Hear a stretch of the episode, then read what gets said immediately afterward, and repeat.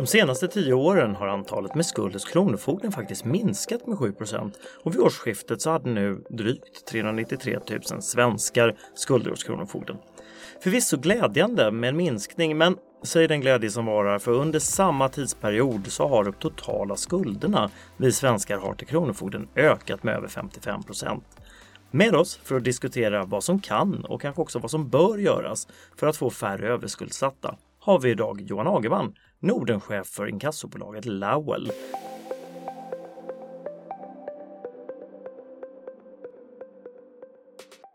Välkommen hit Johan! Tack ska du ha Fredrik! När är man överskuldsatt? Ja, enligt min definition så är det ju inte när man är hos Kronofogden då, för då är det ju många som kan komma att betala. Däremot är det när man inte kan betala.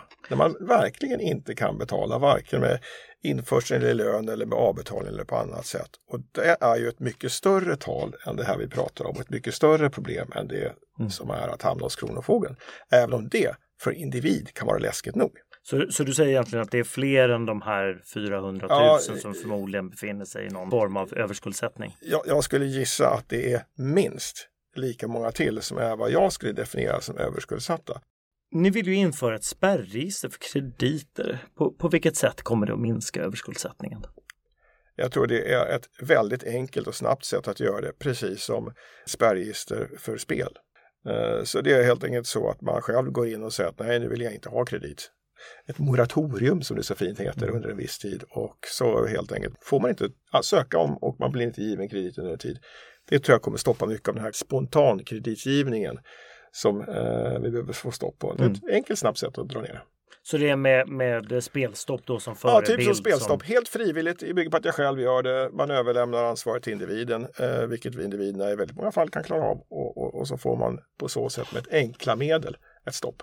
Men kommer verkligen de då som kanske skulle behöva ta det här verkligen kommer att? Men självklart så är det inte så att alla gör det här. Eh, då hade ju det funkat så också på, eh, med spelskulderna. Då hade ju alla som har problem anmält sig, men så är det inte. Nej. Tyvärr.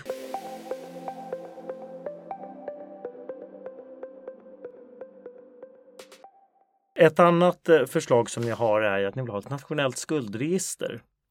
Varför är det så viktigt? Ja, det är en bra fråga, eh, men också ganska enkel att besvara. För att som det är idag så har vi ett eh, regelverk som bankerna ska följa när det gäller kreditgivning. Eh, det regelverket det, stöds inte av en underliggande process där man får reda på hela bilden hos konsumenten. Så att idag är det så att om du till exempel ska låna av bank A så går de in och tittar i sina register och så kan de köpa en del öppen data. Men den är inte heltäckande. Eh, och där saknas också till exempel eh, skulder hos inkassobolag och annat. Så det är en väldigt tunn bild eh, man får. Så, så, vad är det för uppgifter som idag inte finns med i det här registret? Ja, det är krediter hos alla långivare. Om man går in och eh, tittar på mig så ska man ju naturligtvis ha en bild av alla mina krediter om man ska bedöma mig. Och idag är det så att då bygger det på min egen ärlighet och den informationen man eh, kan samla in själv eller via eh, frivilliga kommersiella register. Och den är inte heltäckande. Och dessutom uppdaterades den eh, långsamt. Så om jag är i eh, nöd så kan jag ju eh, ganska enkelt låna eh, helt utan eh, säkerhet, det vill säga så här blankokrediter hos kanske 10-15 eh, olika institut på väldigt, väldigt kort tid. Eh, vilket är bra ur ett, vad ska man säga, mångfaldsperspektivet därför att det är fri konkurrens, man kan gå var man vill och individen inte är styrd. Men det är ju helt galet ur ett kreditgivningsperspektiv. Och om man tittar på vad är det, varför har vi en regelverk kring kreditgivning? Jo, det är för att kreditgivaren ska bedöma om konsumenten kan betala tillbaks. Och kan man betala tillbaks, då ska man ha en kredit. Kan man inte betala tillbaks, då ska man inte ha en kredit. Självklart.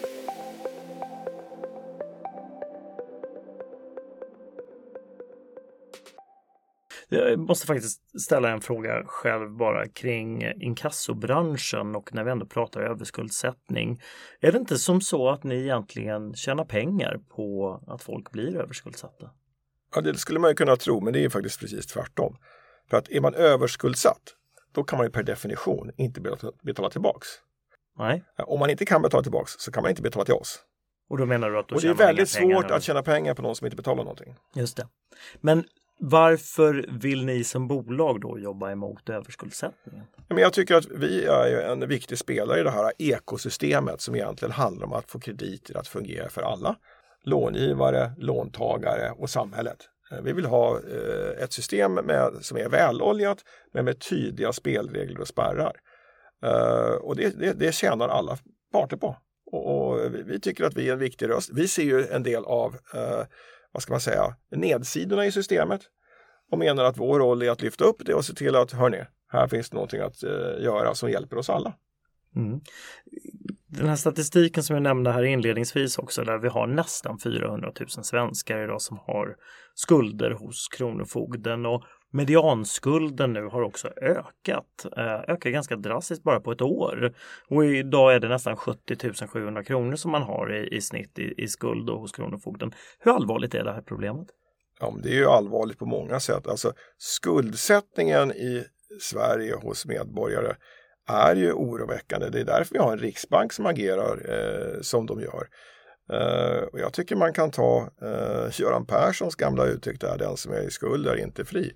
Uh, det gäller att hamna i en sund balans här. När vi har en en mängd av människor motsvarande mer än Malmös befolkning som ligger hos Kronofogden, ja men då är det för många som har fått kredit som inte ska ha det. Och dessutom så och menar dess, du att det är fler än så? S, dessutom så finns ett mörkertal som är minst lika stort.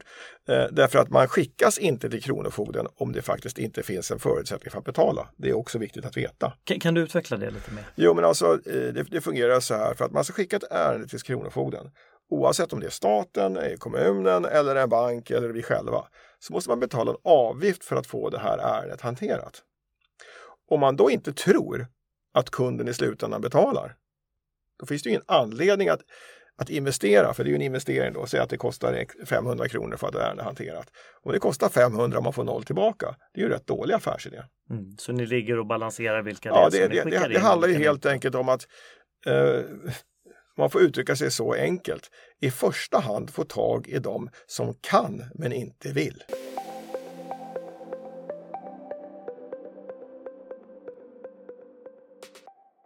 Så den här trenden med en ökande skuldsättning, då, vad, vad kan man göra för att bryta den? Ja, eh, det finns säkert en massa saker man kan göra. Eh, vi har föreslagit fem ganska eh, enkla, tycker vi, åtgärder. Och de har vi föreslagit inte bara sådär rätt ut utan vi har också pratat med eh, eh överskuldsättningsutredningen, tror jag de heter, och andra i, i, i vår bransch. Eh, det första är, eh, som vi tror jag berörde tidigare, att införa ett spärregister, ett frivilligt, ungefär som spelstopp. Eh, det andra är att införa ett gemensamt eh, skuldregister. Och det tror jag också är enkelt att få bransch och eh, myndigheter eh, med på. Och det, för mig är det självklart att det är något som ska hanteras av Finansinspektionen. Det tredje tror jag kanske är att eh, prata om det här med skuldsättning och överskuldsättning eh, och få bort stigmat. De som är i överskuldsättning och i ekonomiska problem är ju oftast människor som har haft eh, otur, man har skilt sig, blivit sjuka eller någonting annat. Eh, en tillfälligt dålig situation och det ska man inte skoja om. Det är inte den här bilden alltså att du går och köper ett antal platt-tv. Ja, men det, det, är klart att det finns och... sådana, uppenbarligen. Mm. Och det blir bra på tv. Uh, men, men det är inte de människorna vi pratar med uh, varje dag. Utan Nej. det är människor som har problem och tycker att det här är jobbigt och förstår det. Du nämnde som exempel där om man har skilt sig ja, men, ja, med jobb. Eh, arbetslöshet, skilsmässa, uh, sjukdom, ändrade ekonomiska förutsättningar i, i familjen. Det, det, det händer tyvärr. och sen så det finns två stycken saker till vi skulle vilja få bukt med. Det ena är de här eh, rådgivarna som finns i, eh, ute på kommunerna dit man kan vända sig för att få hjälp. De har en orimlig belastning och väldigt mm. ojämn. Mm. Kommunerna har tillsatt resurser olika och där borde man liksom eh, sätta in mer resurser. Och sen tror jag att det som är, är på långsiktigt det bästa, eh, som alltid kunskap. Eh, och då måste man börja med att utbilda folk och vi har ju tagit fram ett utbildningspaket för skolor som har blivit väldigt populärt och där lärare har hört av sig och andra för att få ta del av det här för att eh, se till att lyfta kunskapen om ekonomi och privatekonomi i skolan. Men, men om man då tar, tar, fram de här fem förslagen och inför de fem förslagen egentligen, då räcker det? Det tror jag inte att det gör. Jag tror man måste göra fler saker, men eh, jag tror inte att vi ska Alltså, fler än vi behöver komma till liksom, eh, bordet här och komma med goda idéer. Mm. Eh, men de här fem är alla jätteenkla, snabba och billiga att få plats. Oh. Så det är bara att göra.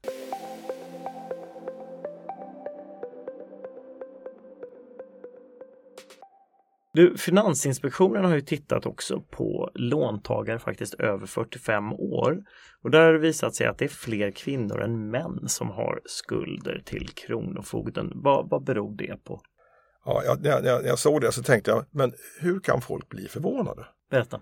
Alltså, eh, det är ju tyvärr så att vi lever i, i ett samhälle där det har tidigare i alla fall, att nu, nuvarande generationer är mycket mer jämlika, men det har varit ojämlikt. Vem är det som eh, står för inkomsten i familjen?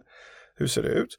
Och vid en skilsmässa eller vid dödsfall eh, så försvinner mannen och så står eh, kvinnan kvar där ensam och har eh, oftast eh, lägre lön, lägre ekonomiska eh, möjligheter. Och då blir det så här. Det är inte bra, det är inte acceptabelt, men det är, liksom, det är inte så svårt att förstå att det blir så.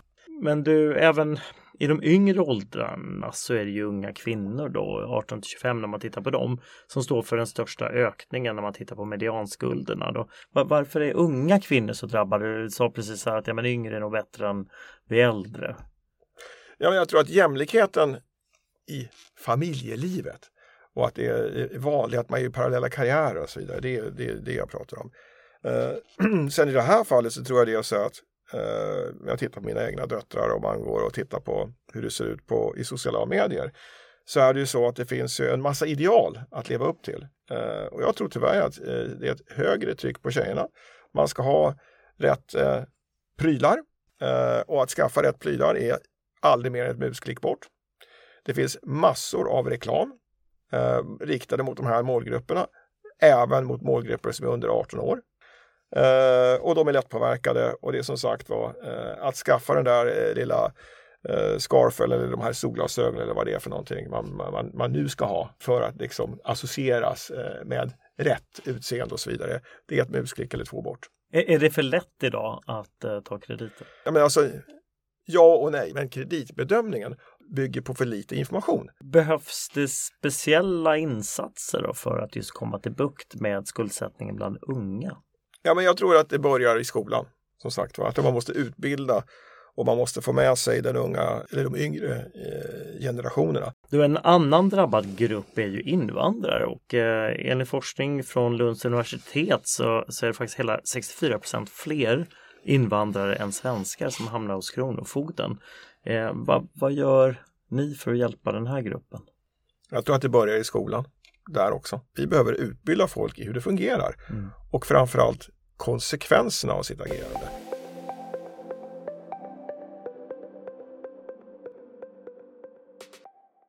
Du, eh, vad har du för tips nu då till de som har skulder antingen till er eller till något annat inkassobolag? Ja, det är så här, strutsen fungerar inte. Det är det absolut viktigaste egentligen, att man tar tag i problemet. Som allt annat när det dyker upp något som är läskigt, ta tag i det. Det kommer inte att försvinna. Eh, det andra är att planera framåt i steg, försök att se framåt. Och det, egentligen är det ju så att det ska du göra redan när du tar den där krediten. Gör din egen kreditbedömning så att säga.